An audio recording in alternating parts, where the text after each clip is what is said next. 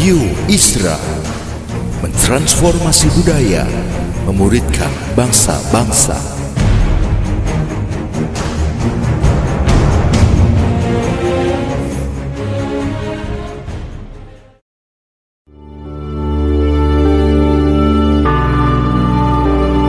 Apostolic Prophetic Messages mengungkapkan pesan dan arahan dari hati Tuhan bagi gerejanya demi menuntaskan mandat kerajaan Allah di Indonesia dan bangsa-bangsa. Selamat mendengarkan.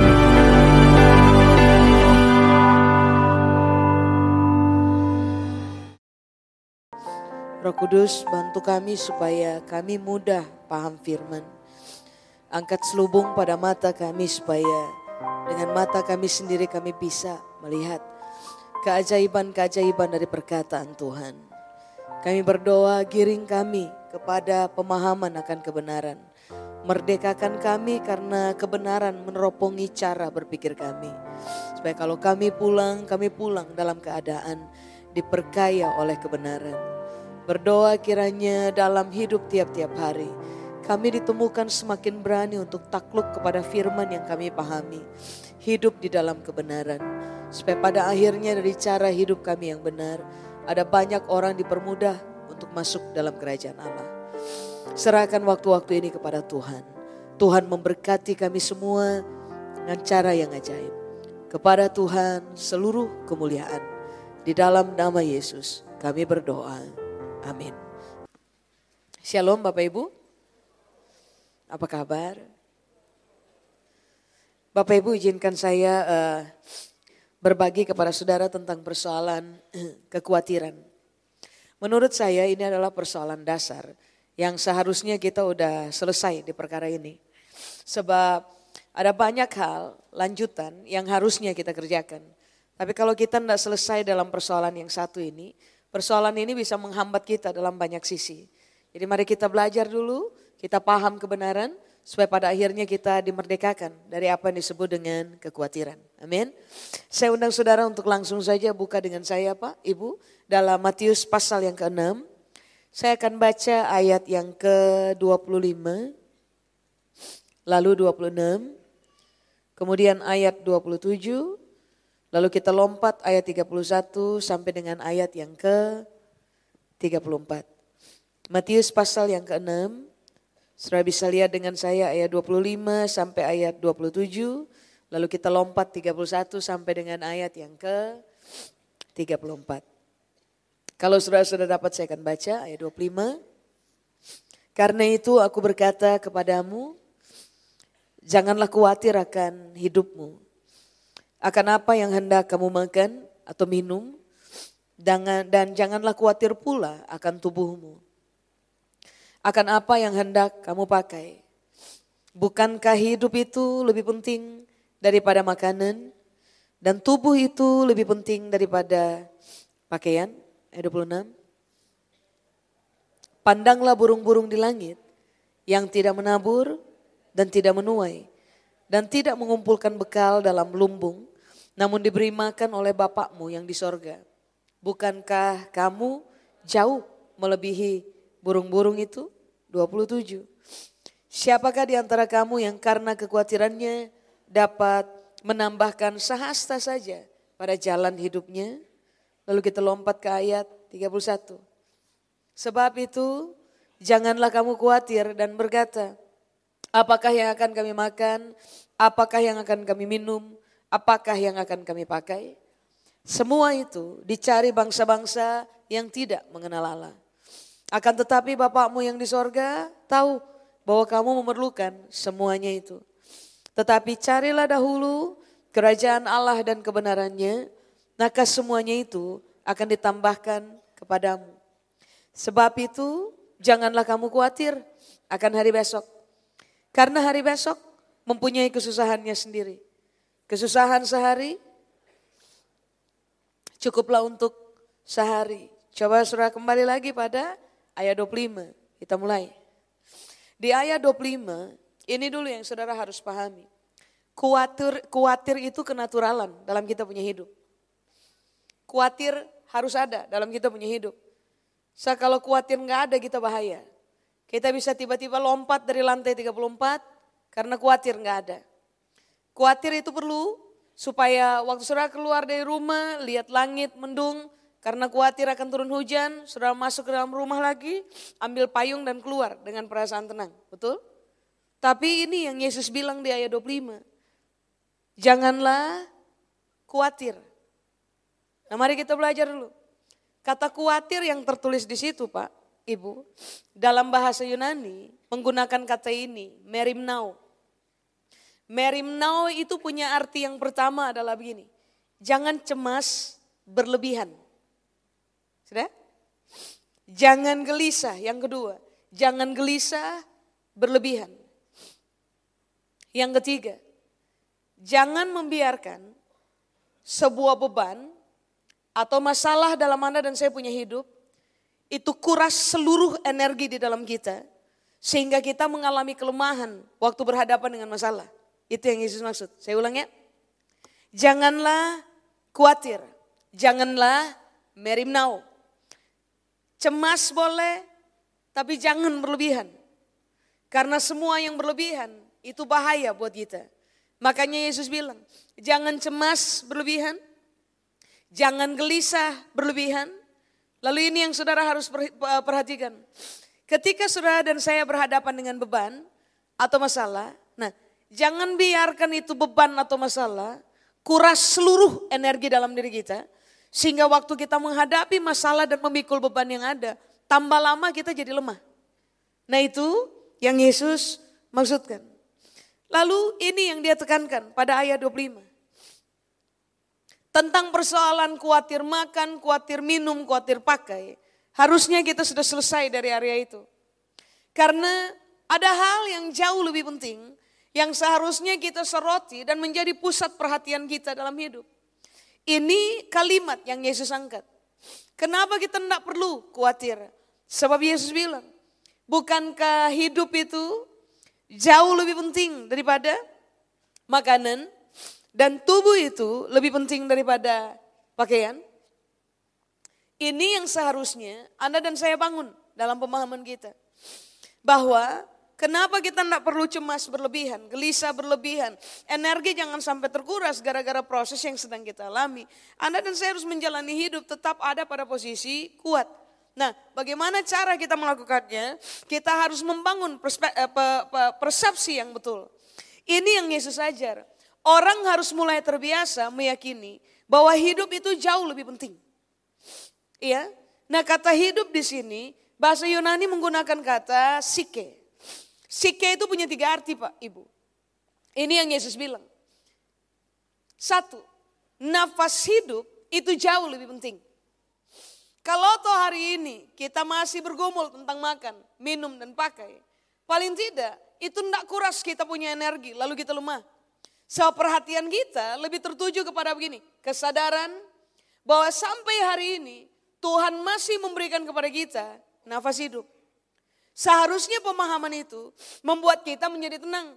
Karena hidup kita for sure dipelihara oleh Tuhan. Kalau Tuhan tidak memelihara hidup kita, Anda dan saya tidak akan pernah punya nafas hidup lagi Pak Ibu. Betul? Makanya kenapa Yesus bilang, daripada berlebihan mencemaskan segala sesuatu, kegelisahan uh, berlebihan dalam hidup kita, kita menjadi tambah lama tambah lemah karena proses kehidupan ini yang harus mulai kita putuskan untuk kerjakan. Tuhan, terima kasih sampai hari ini bukti Tuhan memelihara saya itu masih nyata. Kenapa? Karena Tuhan menganugerahkan kepada saya nafas hidup. Amin. Nah Sike, Sike punya pengertian yang kedua adalah begini. Bukankah roh manusia itu jauh lebih penting? Sike punya pengertian, roh manusia itu bisa diterjemahkan dan dipahami oleh kita dengan istilah begini, manusia roh. Manusia roh di dalam kita itu jauh lebih penting. Sebab realita tentang kita adalah begini, kita adalah makhluk roh yang memiliki jiwa yang tinggal di dalam tubuh.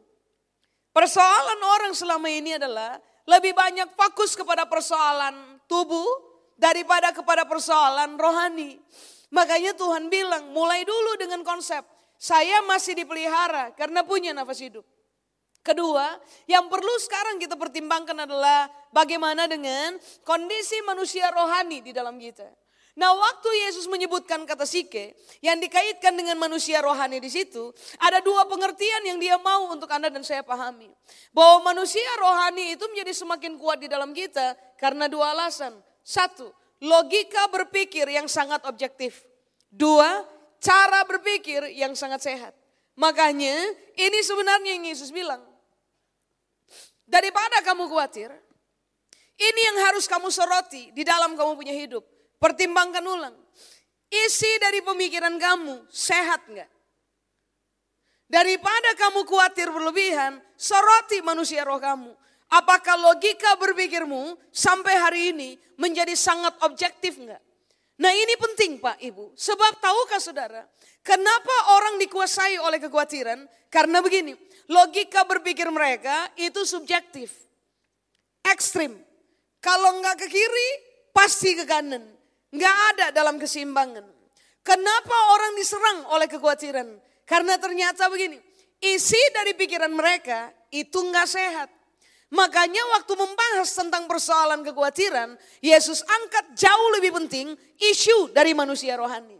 Nah, selama ini kita suka diajar kan bahwa kalau dengar firman jangan dengar pakai logika. Betul? Sudah pernah dengar pengkhotbah khotbah kayak begitu? Kalau dengar firman jangan dengar pakai pikiran. Jangan dengar pakai logika, dengar pakai hati. Pernah dengar itu? Ya ampun saya ini tanya loh Pak, Ibu. Heh? Pernah, pernah? Nah mari saya tahu. Statement yang kayak gitu tuh buang saja. Karena itu tidak betul. Semua orang dengar firman, Mari saya kasih tahu Pak, Ibu, harus pakai logika. Salah ya? Karena kalau saudara baca Alkitab, perjanjian baru secara khusus, saudara akan menemukan bahwa Tuhan ngajar kita dan orang harus membuka hati mereka untuk menyetujui firman. Kata hati itu diambil dari kata asli Yunani, kardia. Dalam ilmu kedokteran ada yang disebut dengan istilah kardiologi, itu berkaitan dengan jantung. Tapi waktu Alkitab mengajar tentang persoalan hati, kata kardia yang dipakai. Nah kata kardia itu punya pengertian adalah begini, logika berpikir. Kemampuan untuk mencerna dalam pemikiran kita. Kalau ada orang yang bilang jangan dengar firman pakai pikiran, jangan dengar firman pakai logika, tapi dengar pakai hati, dia pasti tidak paham makna hati. Sebab hati itu sama dengan pikiran atau logika. Nah ini yang perlu kita alami dalam hidup. Supaya merdeka dari kekhawatiran, cara berpikir Anda dan saya, manusia roh di dalam kita, itu harus digiring kepada dua hal saja, sehat dan objektif. Saya ulang, kenapa orang dikuasai oleh kekhawatiran? Karena memang manusia rohani kita tidak kita latih untuk begini. Waktu firman bicara, kita menyetujui perkataan itu. Kita melatih logika berpikir kita untuk menyetujui Tuhan punya logika. Ini yang saudara harus ingat. Logika Tuhan itu melebihi kita punya logika. Dia disebut dengan istilah, saya menyebutnya dengan istilah master logic. Dia punya pertimbangan, dia punya rancangan, dia punya keputusan. Pilihan-pilihan yang dia ambil itu mengatasi seluruh hikmat manusia. Jadi kalau dia ajar firman kepada Anda dan saya dengan kekuatan logika berpikirnya, dengan kesehatan dari logika berpikirnya, Anda dan saya harus menangkap firman itu dalam logika berpikir yang sangat objektif dan sehat. Kemerdekaan ini yang akan menuntun Anda dan saya kepada terlepasnya kita dari sebuah kehidupan yang diperkaya dengan kekhawatiran. Halo? Nah pengertian yang ketiga dari Sike adalah begini, eternity atau kekekalan. Jadi Yesus bilang, daripada kamu persoalkan persoalan makan, minum, dan pakai tiap-tiap hari, ini yang harus kamu soroti. Satu, masih bernapas ke tidak? Kalau masih bernapas, itu bukti Tuhan memelihara.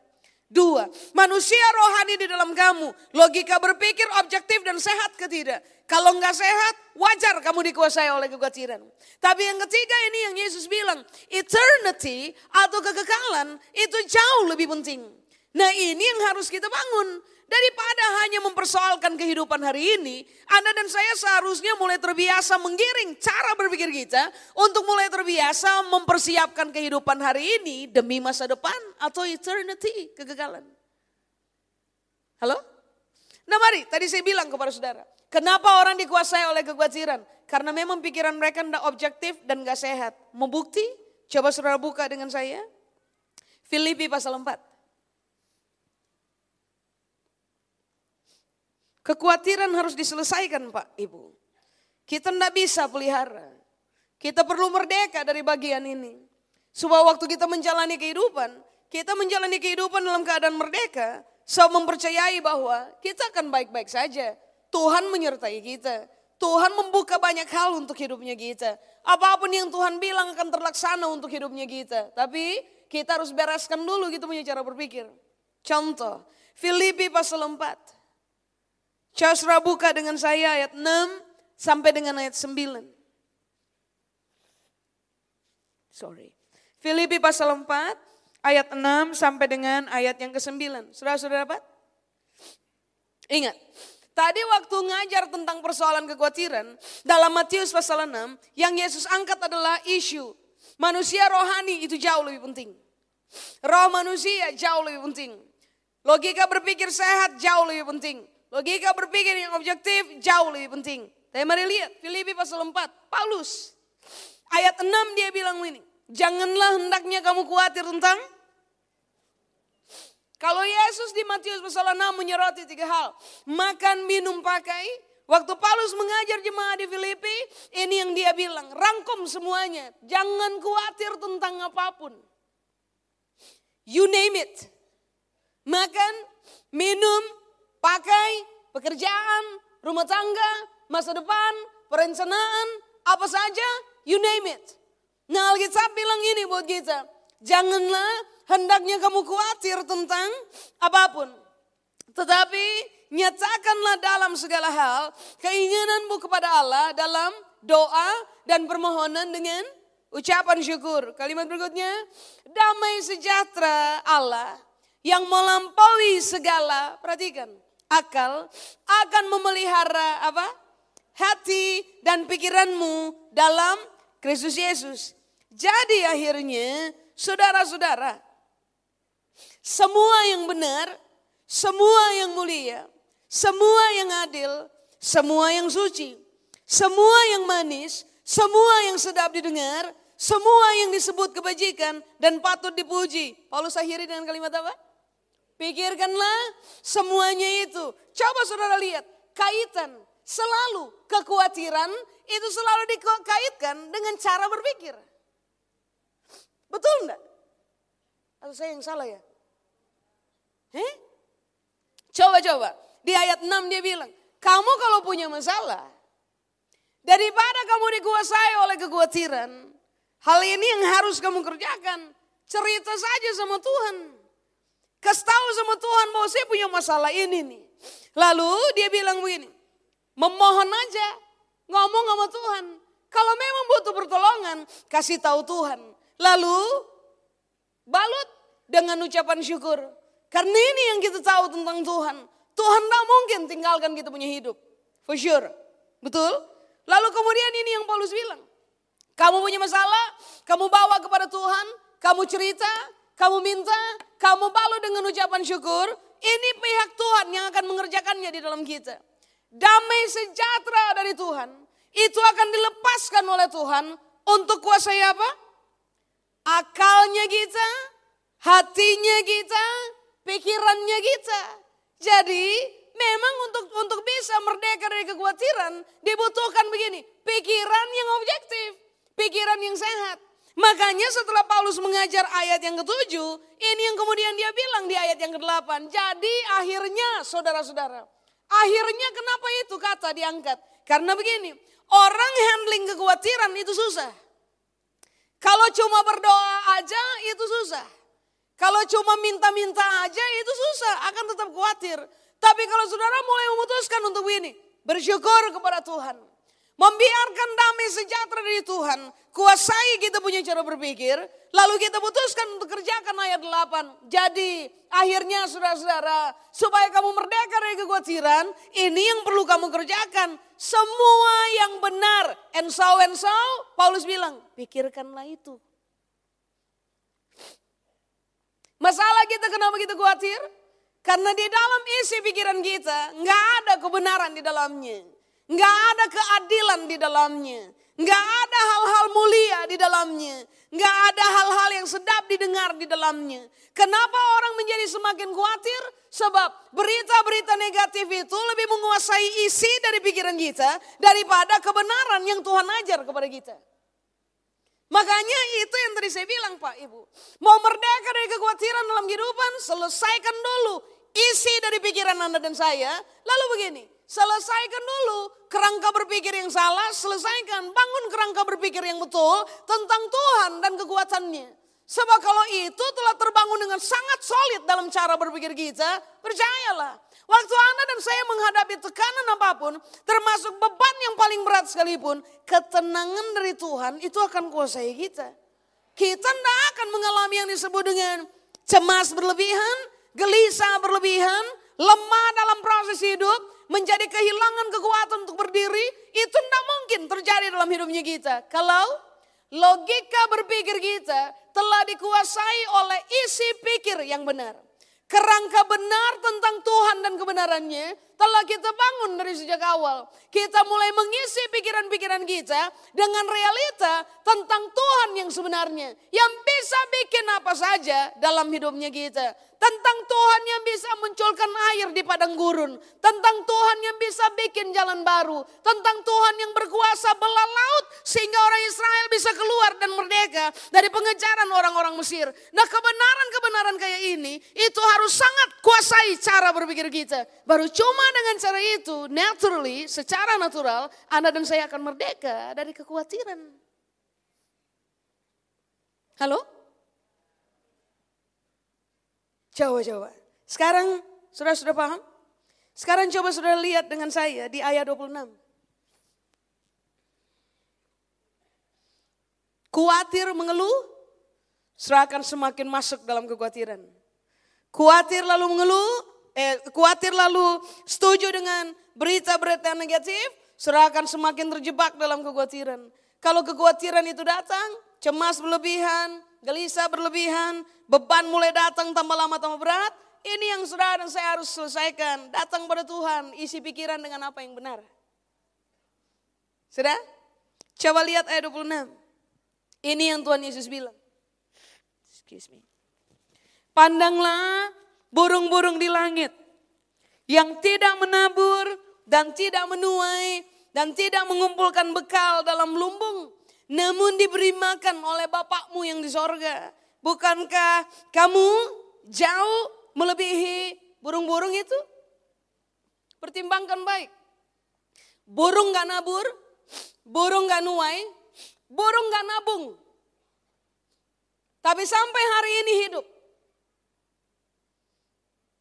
Siapa yang melakukannya? Siapa yang support semua burung di dunia punya hidup? Ini yang Tuhan bilang. Karena Bapak kasih makan. Burung aja Bapak tanggung jawab. Makanya Yesus bilang gini, bukankah kamu jauh melebihi burung-burung itu? Dua kata, jauh melebihi. Dalam bahasa Yunani menggunakan cuma satu kata, diavero. Diavero itu punya arti ini Pak, Ibu.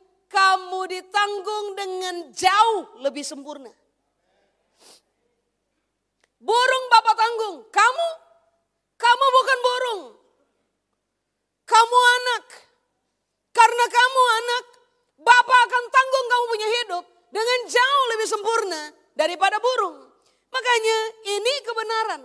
Ini adalah apa yang benar. Makanya Paulus bilang, apa yang benar, pikirkanlah itu. Apa yang mulia, pikirkanlah itu. Apa yang adil, pikirkanlah itu. Kalau kebenaran-kebenaran kayak gini kuasai kita punya cara berpikir, percayalah. Saya ulang, kita hadapi apa saja, kita tenang. Bukan sok tenang, tapi tenang.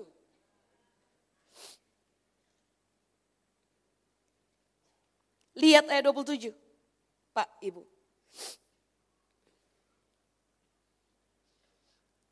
Jadi kalau khawatir, declare firman Tuhan. Kasih tahu untuk otaknya kita, logikanya kita. Nggak, nggak. Kamu jauh melebihi burung. Tentang persoalan pelihara kamu, Bapak tanggung kamu dengan jauh lebih sempurna. Itu itu harus dibangun. Coba lihat ayat 27. Siapakah di antara kamu yang karena kekhawatirannya dapat menambahkan sehasta saja pada jalan hidupnya? Sudah tahu ini ayat? Maksudnya? Satu hasta itu kira-kira 45 cm. Biasa orang menghitung satu hasta dengan ukuran ini. Ujung siku sampai dengan ujung jari tengah. Nah ini nih kira-kira satu hasta. Sudah pernah perhatikan nggak? Dalam proses tiap-tiap hari. Sudah pernah berjalan dengan cara begini? Pernah? Enggak. Sudah dan saya berjalan begini kan? Sudah pernah perhatikan enggak bahwa ini sama dengan satu hasta? Saya tanya nih Pak, Ibu, ya ampun. Heh? Begini? Kira-kira satu meter, right? Lebih. Tapi kalau begini, ini kira-kira 45 cm. Yesus bilang, apakah kamu pikir dengan khawatir kamu bisa menambah satu satu hasta saja dalam jalan hidup pada jalan hidupmu? Berarti sebenarnya ini yang Yesus bilang. Tahu nggak? Kalau kamu khawatir, kamu ndak pernah maju satu langkah. Kalau kamu khawatir, kamu akan berdiri di tempat. Kamu ndak akan pernah mengalami kemajuan dalam hidup. Makanya semua orang yang menginginkan realita, maju dalam hidup, mengalami progresivitas, jalan sampai ke depan, ini yang Anda dan saya harus selesaikan dalam kita punya hidup, kekhawatiran. So Yesus bilang, kamu khawatir, kamu tinggal di tempat. Kamu khawatir, tidak ada yang disebut dengan satu langkah pertama. Kamu khawatir, kamu tidak bakal maju dalam hidup. Makanya dari awal saya bilang kepada saudara, ini adalah persoalan dasar. Kita harus selesaikan. Sebab kalau kita selesaikan area ini, saudara bukan cuma akan melangkah satu langkah ke depan. Saudara akan melangkah berlangkah-langkah sampai ke depan. Dan itu penting untuk hidupnya kita. Siapa pun yang jalan di tempat tidak akan pernah menikmati hidup. Tapi siapa yang bergerak maju akan mengalami penambahan, pengetahuan, pemahaman, kemajuan, uh, apa itu, kekayaan pembelajaran dan seterusnya. Ayo coba pertimbangkan ini. Kenapa menyusahkan diri dengan hal-hal yang kita tahu bahwa Tuhan menyediakan segala sesuatu kepada kita.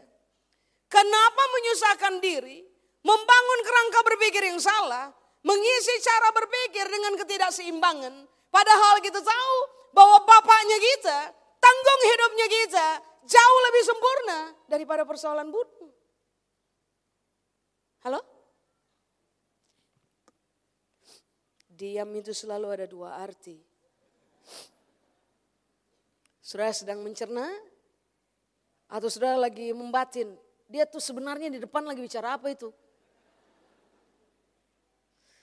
Saya berharap kita pulang dengan keputusan bahwa isi dari pikiran kita, permainan logika di dalam kita, itu harus diarahkan kepada dua sisi. Objektif dan sehat. Itu baru disebut dengan manusia rohani yang sebenarnya. Nah selama ini kan kita tuh agak-agak aneh kan menilai orang itu rohani atau tidak. Dari cara apa coba? Kemampuan dia wusi-wusi kita kan. Kemampuan dia bernubuat kita bilang rohani. Kemampuan dia melihat-melihat lalu dia tahu kepada kita lalu kita bilang itu orang rohani banget. Lalu kemampuan dia menyampaikan suara Tuhan buat kita. Lalu kita bilang itu orang rohani banget. Ulang, baca Alkitab pulang. Ini yang Alkitab ajar buat Anda dan saya. Mau tahu orang rohani atau tidak? Lihat buah dalam kelakuan mereka tiap hari. Tapi mau lihat orang rohani atau tidak? cermati isi dari pikiran mereka. Logika berpikirnya objektif enggak atau ekstrim. Semua yang ekstrim pasti enggak rohani. Pertimbangkan ulang, ini orang punya isi pikir itu sehat enggak? Kalau orang punya isi pikir enggak sehat, dia punya manusia rohani itu pasti miskin. Kenapa? Karena nggak diperkaya dengan kebenaran dalam kehidupan. Nah ini yang perlu kita pertimbangkan. Semakin kita rohani, seharusnya kebenaran itu semakin kita setujui dalam hidupnya kita Pak Ibu. Kalau kebenaran semakin kita eh, setujui, yang terjadi adalah, saya ulang, kita objektif, kita sehat dalam cara berpikir, kita meyakini kebenaran, kekhawatiran menyingkir. Coba, lihat ayat 31. Tuhan Yesus bilang, sebab itu jangan khawatir dan berkata, kami makan apa coba? Kami minum apa? Kami pakai apa? Lalu di ayat 32 ini yang Tuhan Yesus bilang, semua itu dicari oleh bangsa-bangsa yang tidak mengenal Allah. Akan tetapi Bapakmu yang di sorga tahu bahwa kamu memerlukan semuanya itu. Jadi ini yang Yesus bilang. Kamu khawatir, kamu bangun manusia rohani di dalam kamu. Paulus bilang, kamu khawatir, mulai isi kebenaran-kebenaran dalam kamu punya isi pikir, dalam kamu punya pemikiran. Lalu ini lagi yang Yesus bilang, tahu nggak? Kalau kamu khawatir, kamu nggak maju satu langkah. Kalau kamu khawatir, kamu itu sama dengan bangsa-bangsa yang tidak mengenal Allah. Yang bikin malu adalah ini Pak, Ibu. Kita bilang kita mengenal Allah, tapi waktu kita jalani hidup kita tiap-tiap hari, Lalu kita berhadapan dengan masalah-masalah real dalam hidupnya kita. Lalu kita cemas berlebihan, gelisah berlebihan, energi kita terkuras dan kita lemah dalam menghadapi proses hidup. Nah itu kan yang lucu. Sedangkan ini yang Yesus bilang, semua bangsa yang gelisah berlebihan, cemas berlebihan, tidak mengalami keseimbangan untuk mempercayai Tuhan dalam kehidupan. Mereka nggak kenal Allah. Nah apa bedanya dengan kita? Makanya kenapa tadi saya bilang kepada Bapak dan Ibu, ini persoalan dasar, kita perlu menyelesaikannya. Salah satu bukti kita mengenal Tuhan adalah karena begini, karena kita mempercayai dia dan kita tidak membiarkan diri kita dikuasai oleh gelisah berlebihan, cemas berlebihan, atau bahkan tidak membiarkan diri kita lemah dalam proses hidup karena kita tahu Bapak kita memelihara kita dengan hebat.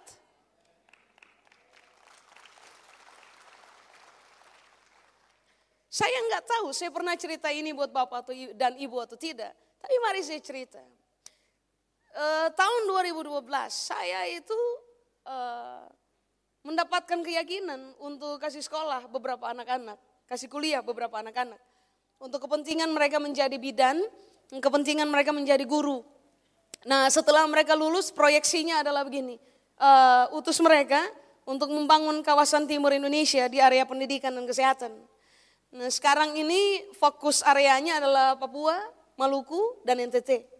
Nah start di 2012, saya kasih tahu kepada beberapa orang di dekat saya, mari kita berdoa, kita adakan seleksi, kita uji orang-orang, anak-anak, lalu kemudian kita kasih kuliah mereka. Tapi orientasinya itu, mereka harus jadi berkat di area pendidikan dan kesehatan. Nah, akhirnya tes, punya tes, punya tes, selesai, dapat delapan anak.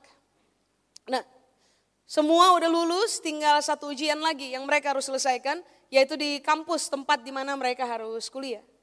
Nah, saya terbangkan mereka semua tiba di Surabaya, lalu kemudian mereka mulai mengikuti ujian terakhir, ujian di universitas. Nah, rupa-rupanya lulus semua. Nah, dikasih waktu untuk bisa masuk kuliah, harus bayar di awal kan? Nah, hari itu tagihannya harus bayar di awal tuh 99 juta something, tambah beberapa ribu tuh 100 eh, juta. Kurang dua minggu harus bayar, kepala pendidikan saya telepon saya dan bilang, Kak, uh, kita tuh dua minggu lagi harus bayar, waktu itu 99 juta something, bilang aja 100 juta. Uh, kita harus bayar kira-kira 100 juta Kak, dua minggu lagi. Kalau kita tidak bayar, sekalipun anak-anak udah lulus ujian, tapi mereka tidak bisa kuliah. Lalu saya bilang, tanya bendahara dulu, uang ada ke tidak? Uang di yayasan ada nggak untuk kepentingan ini? Bendahara bilang nggak ada. Lalu kepala pendidikan tanya buat saya, lalu bagaimana ini kak? Lalu saya bilang sama kepala pendidikan saya, panggil semua orang, panggil semua anak, sudah kasih tahu realita yang sedang kita hadapi dan mari kita berdoa. So kita tidak mungkin minta-minta orang, kita minta sama Tuhan. Karena Tuhan kasih Tuhan kasih impresi, Tuhan kasih tuntunan, kita sedang belajar untuk melakukannya. Nah Tuhan harusnya tanggung jawab. Karena dia punya nama adalah Alfa dan Omega. Dia mulai, dia harus mengakhiri. Itu prinsip. Betul? Saya suruh semua anak, ayo kita berdoa, minta Tuhan 100 juta. Supaya kita bisa, kalian bisa sekolah. Sudah. Anak-anak mulai berdoa hari itu, sampai kemudian tinggal satu minggu. Kepala pendidikan saya telepon lagi dan bilang, kak ini tinggal satu minggu ini. Lalu saya bilang, uang belum masuk, belum ada uang. Ya sudah, berdoa lagi. Mau apa? Mau jual diri pinggir jalan? Nah itu nggak bisa. Jadi sudah, akhirnya saya bilang tinggal satu minggu mari kita berdoa. Nah saya ingat betul, pada satu, pada range hari itu, momen itu, ada tepat di hari Sabtu. Nah saya terbang ke satu kota untuk pelayanan tentu saja. Lalu saya panggil anak-anak di kota itu, lalu saya bilang mari kita berdoa dulu karena kita butuh uang, kira-kira 100 juta supaya anak-anak di Surabaya semua bisa kuliah. Lalu saya ingat betul hari Sabtu itu sampai jam 11 malam kita berdoa. Cuma minta satu, minta uang. Sudah? Setelah jam 11 malam selesai saya suruh anak-anak pulang. Setelah mereka pulang sudah tidur. Besok pagi waktu tangan masuk di bawah bantal, nggak ada cek 100 juta, nggak ada.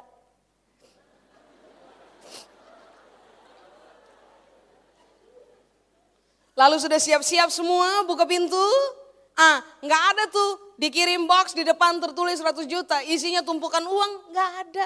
Nothing happens. Sudah, saya pergi pelayanan hari Minggu.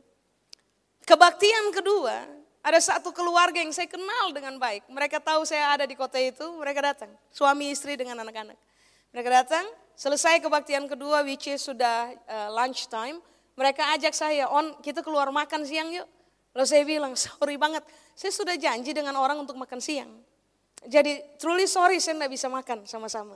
Lalu mereka bilang, oh kalau lunch nggak bisa, bagaimana kalau dinner? Lalu saya bilang lagi, rada sombong sih, sorry banget, saya juga udah janji. Enggak, enggak, enggak sombong, saya coba kasih tahu realitanya. Saya, saya, saya sudah ada janji dengan orang untuk dinner. Jadi sorry kita nggak bisa dinner, lalu saya bilang, kalau jam 10 malam saya tiba di rumah mau nggak? di depan rumah, di rumahnya mereka karena saya sudah kenal baik. Nah mereka bilang, ya sudah boleh deh, kita ketemu jam 10 malam. Selesai saya dinner, saya tepat jam 10 saya sudah berdiri di depan pagarnya mereka. Saat membuka saya masuk. Saya masuk, lalu kemudian sudah duduk di ruang makan, lalu sudah potong buah, cerita, tertawa, orang Ambon bilang cerita bodoh-bodoh, maksudnya cerita hal-hal yang ya udah cerita aja gitu. Cerita sampai tiba-tiba pada momen lagi makan buah dan tertawa bersama. Ini kepala keluarga keluarkan pertanyaan ini untuk saya. On, saya dengar-dengar mau kasih kuliah anak ya. Saya bilang iya. Tahu dari siapa? Karena saya tidak cerita. Tahu dari siapa? Lalu dia bilang ini, iya dengar aja, saya dengar aja. Lalu dia tanya, itu itu ceritanya bagaimana? Lalu saya cerita, saya punya kepentingan kalau untuk untuk bangun uh, kawasan timur Indonesia di area pendidikan dan kesehatan, ya saya cerita A to C. Lalu sudah, ini pertanyaan yang dia tanya. Itu kira-kira sampai mereka lulus habis berapa? Karena saya bilang beasiswanya saya tidak kasih cuma beasiswa kuliah. Beasiswa full. Makan, minum, pakai, transport, tempat tinggal, beasiswa full. Terus saya bilang, hari itu saya ingat angka, sekarang saya sudah lupa. Hari itu tuh angkanya 700 something juta, tambah beberapa ribu tepat 800 juta.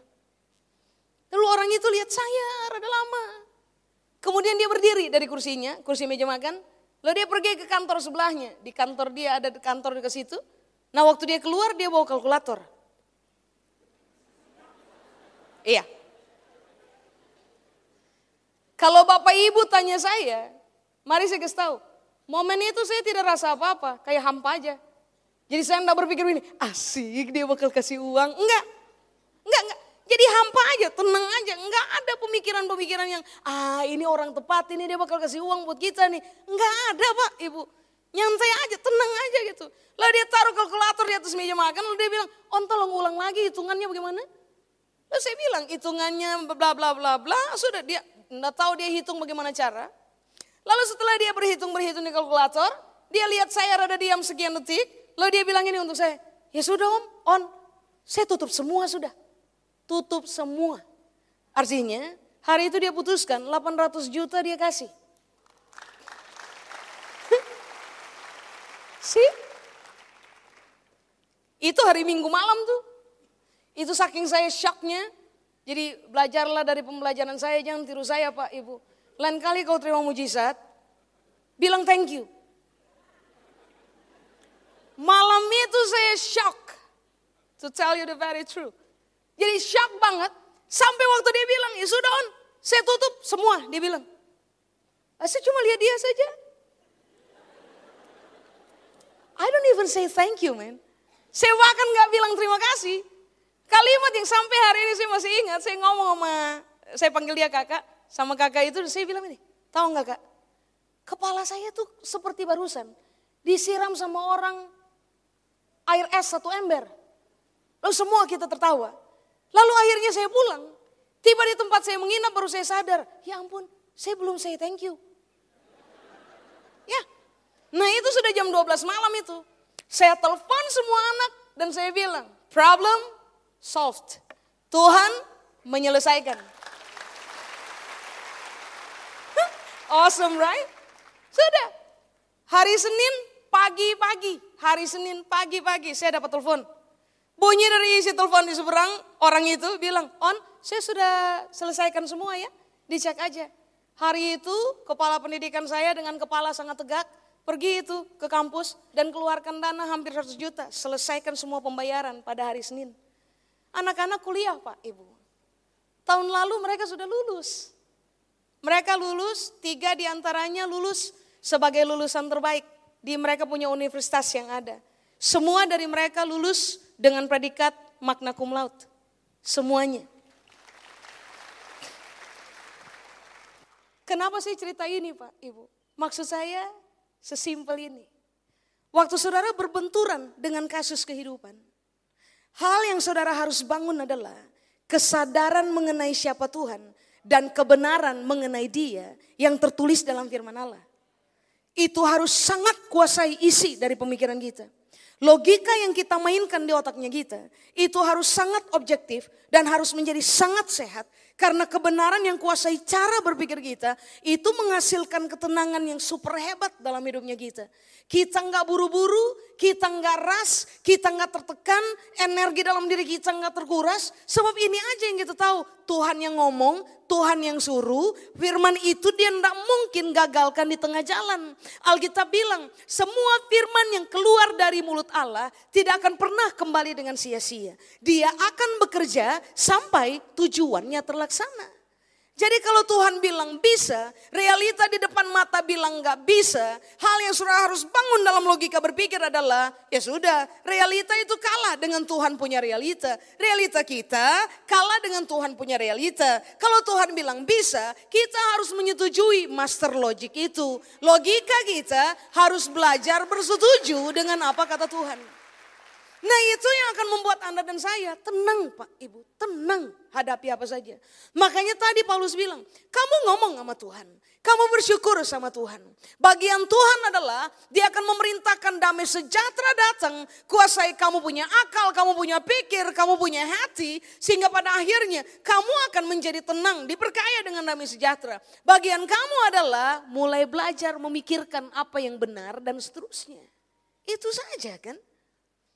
Kalau kita mengaku mengenal Allah, maka kita harusnya ditemukan merdeka dari kekhawatiran. Coba lihat ayat 33. Carilah dahulu kerajaan Allah dan kebenarannya, maka semuanya itu akan ditambahkan kepadamu. Kenapa? Kenapa begini? Kenapa kita tidak menjadi objektif dan sehat dalam cara berpikir? Karena ini juga bagian yang tidak kita bangun. Ini yang Tuhan bilang. Kalau kamu khawatir, hal yang harus kamu kerjakan adalah kamu harus mencari kerajaan Allah, kamu harus mencari kebenarannya. Sama kan? Apakah kerajaan Allah? Basileia. Apakah Basileia? Basileia adalah begini, kasih biar Tuhan perintah kamu dalam hidup pada seluruh aspek. Mencari kebenaran artinya begini, apa sih kata firman tentang saya punya kasus? Apa sih kata Tuhan tentang realita yang akan dikerjakan untuk saya? Loh, membiarkan Tuhan perintah kita, membiarkan kebenaran perintah kita dalam cara berpikir, itu memerdekakan kita dari kekhawatiran Pak Ibu. Amin. Kalau hadapi masalah, khawatir berlebihan, cemas berlebihan, gelisah berlebihan, jangan karaoke. Heh? Jangan kumpul-kumpul lalu coba cap tikus. Enggak. Kembali kepada Tuhan. Cermati ulang. Tuhan lagi perintah saya punya logika berpikir kah tidak? Tuhan lagi perintah saya punya isi pikir enggak? Kalau memang Tuhan tak sedang perintah saya punya isi pikir, saya harus kembali kepada apa kata firman Allah. Saya harus cari kebenaran. Kebenaran harus kuasai isi dari pikir saya. Supaya kebenaran itu menguasai kita penuh. Lalu kita mempercayai bahwa Tuhan memelihara kita dengan jauh lebih sempurna dibanding dengan burung di udara. Itu membuat kita totally free. 34. Sebab itu, janganlah kamu khawatir akan hari besok. Karena hari besok mempunyai kesusahannya sendiri. Kesusahan satu hari, cukup satu hari. Sebenarnya Tuhan mau bilang apa? Hari ini kalau kamu khawatir, biarkan firman Tuhan meropongi kamu punya cara berpikir. Logika yang ada dalam kamu harus dikuasai oleh firman Allah. Lalu kita hari ini akan merdeka dari kekhawatiran. Bagaimana dengan besok? Waktu kaki kita menginjak besok, besok berubah jadi hari ini. Hari ini apa yang akan kita kerjakan? Sama lagi. Isi cara berpikir dengan kebenaran. Sehingga pada akhirnya sepanjang hari ini kita tidak dikuasai oleh kekhawatiran. Besok yang kemudian waktu kita menapaki kaki pada hari besok lalu berubah menjadi hari ini, kita harus tetap kerjakan hal yang sama. Maka saudara akan menyelesaikan hari dalam ketenangan, tidak dikuasai oleh kekhawatiran. Jelas ini Pak, Ibu? Coba, ayat terakhir. 1 Petrus pasal 5. Itu kalau betul-betul terakhir. 1 Petrus pasal 5, sudah lihat ayat 7. Sudah? Serahkanlah segala kekhawatiranmu kepadanya. Sebab ia yang memelihara kamu. Serahkanlah segala kekhawatiranmu kepadanya. Kata serahkanlah, Petrus menggunakan kata epiripto. Epiripto itu artinya begini Pak, Ibu. Contoh, ini adalah kekhawatiran. Waktu Petrus bilang, serahkanlah kekhawatiranmu kepadanya. Epiripto, kamu punya kekhawatiran kepada Tuhan. Epiripto tuh artinya begini, lempar ke atas. Kamu khawatir? Kamu jangan simpan. Kamu khawatir? Kamu jangan biarkan kamu punya otak dikuasai oleh kekhawatiran. Kamu khawatir? Ambil khawatirnya, lempar ke atas. Kenapa sampai Petrus menggunakan kata epiripto, lalu artinya adalah lempar kekhawatiran ke atas. So kalau saudara kasih kekhawatiran saudara horizontal, ya horizontal, tidak ada kuasa yang bisa tolong kita secara horizontal. Somehow, memang betul itu ayat. Kita tidak bisa bergantung kepada manusia. Saat kadang-kadang manusia yang kita rasa mereka bisa tolong kita, mereka akhirnya nggak tolong kita. Makanya kenapa Petrus menggunakan kata epiripto. Kamu harus lempar kamu punya masalah ke atas. Sebab cuman Tuhan yang posisinya ada di atas, yang punya kemampuan tidak terbatas untuk memberikan pertolongan kepada Anda dan saya. Lalu kemudian ini yang Petrus bilang kan, serahkanlah segala kekhawatiranmu kepadanya. Kalimat berikutnya Petrus bilang, sebab ia yang memelihara kamu. Kata memelihara dalam bahasa Yunaninya menggunakan kata ini Pak, Ibu, melo, M-E-L-O. Melo itu artinya begini. Tuhan tertarik, Tuhan peduli, Tuhan mau tanggung. Jadi Petrus bilang, Waktu kamu lempar kamu punya kekhawatiran ke atas, ini yang akan terjadi. Tuhan peduli dengan apa pun yang kita lempar. Tuhan uh, apalagi tadi tertarik, lalu Tuhan mau tahu isi dari apa yang kita kita lempar. Dari tadi saya lempar ke atas, ini kekhawatiran jatuh lagi kan? Karena apa? Gravitasi. Tapi ini yang saudara harus pahami, Tuhannya kita itu mengatasi gravitasi. Apa pun yang kita lempar ke dia, itu tidak mungkin turun lagi ke kita. Bukti Tuhan lebih mengatasi gravitasi. anak manusia itu lebih tinggi dari gravitasi. Sesimpel ini.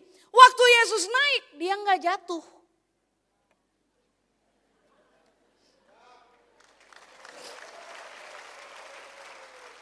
Dia naik aja. Nggak ada gravitasi yang bisa tarik dia jatuh. Artinya, apa pun yang saudara lempar, Tuhan tertarik, Tuhan peduli, Tuhan mau tahu. Saya kasih contoh. Ibu Leni, contoh saja. Bayangkan kalau ini adalah cek dengan tulisan 100M ibu. Contoh saja. Karena ini cuma tisu ibu. Cek 100M. Contoh. Kalau saya lempar ke ibu, kira-kira ibu tangkap ke tidak?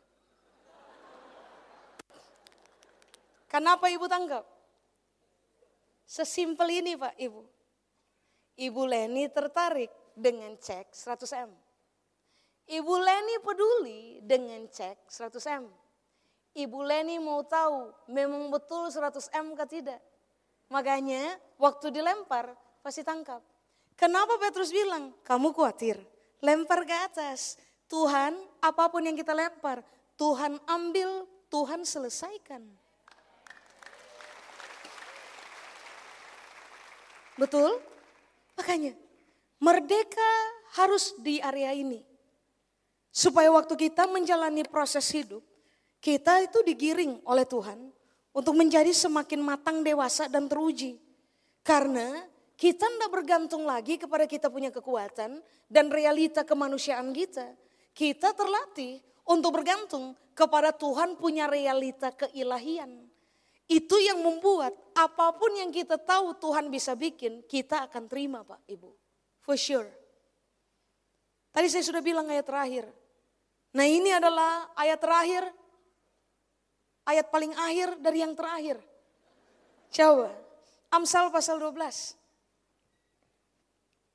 Ayat 25. Sudah Pak, Ibu?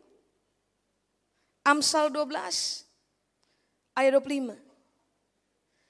Kekhawatiran dalam hati membungkukkan orang. Tetapi perkataan yang baik menggembirakan dia. Kekhawatiran Pak, Ibu, Alkitab pakai bahasa ini, membungkukkan orang, bukan? Pemahaman kita, kalau kita khawatir, kita bongkok. Betul dari kalimat itu? Mari saya jelaskan. Kata membungkukkan dalam bahasa Ibrani menggunakan kata ini, saha. S-A, H-A. Saha punya pengertian yang pertama adalah begini. Kalau kamu khawatir, kamu bakal depresi. Ini bukan sekedar bungkuk biasa. Saha itu artinya kalau kamu khawatir, kamu bakal depresi. Kalau kamu khawatir, jiwamu bakal tertekan. Kalau kamu khawatir, kamu bakal letih, lesu. Kalau kamu khawatir, kamu bakal tumbang. Kenapa area ini kita harus selesai? Supaya dalam hidupnya kita, kita tidak dikuasai oleh depresi. Anda dan saya nggak tertekan terus menerus dalam jiwa. Yang pada akhirnya membuat kita letih lesu.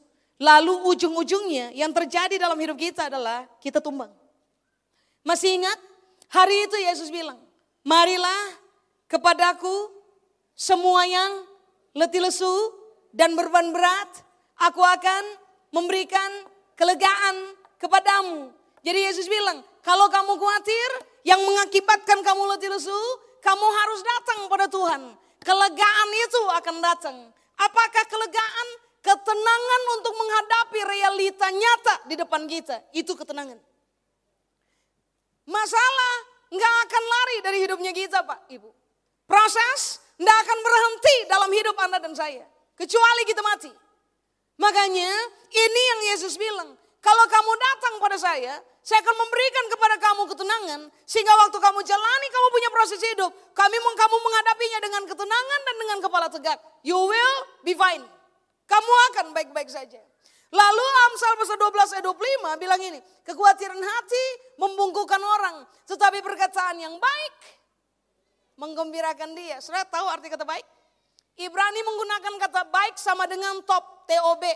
Top atau TOB itu artinya begini. Perkataan benar, yang bijak, dari firman Tuhan. Jadi coba dari ribuan tahun yang lalu Alkitab udah kasih tahu buat kita. Kamu mau selesaikan khawatir dalam kamu punya hidup. Yang kamu butuh adalah perkataan bijak, yang benar, yang sumbernya bersumber, ya, yang sumbernya ada dalam firman Tuhan. Sama kan? Yesus bilang, kamu khawatir, pikiran kamu harus diselesaikan. Paulus ajar, kamu khawatir, pikiran kamu harus diselesaikan. Amsal ajar, kamu khawatir, pikiran kamu harus diselesaikan. Apa yang diselesaikan dari pikiran kita? Ketidakbenaran. Kita harus isi pikiran kita dengan kebenaran. Setelah itu kita merdeka dari kekhawatiran. Amin. Sudah, saya selesai.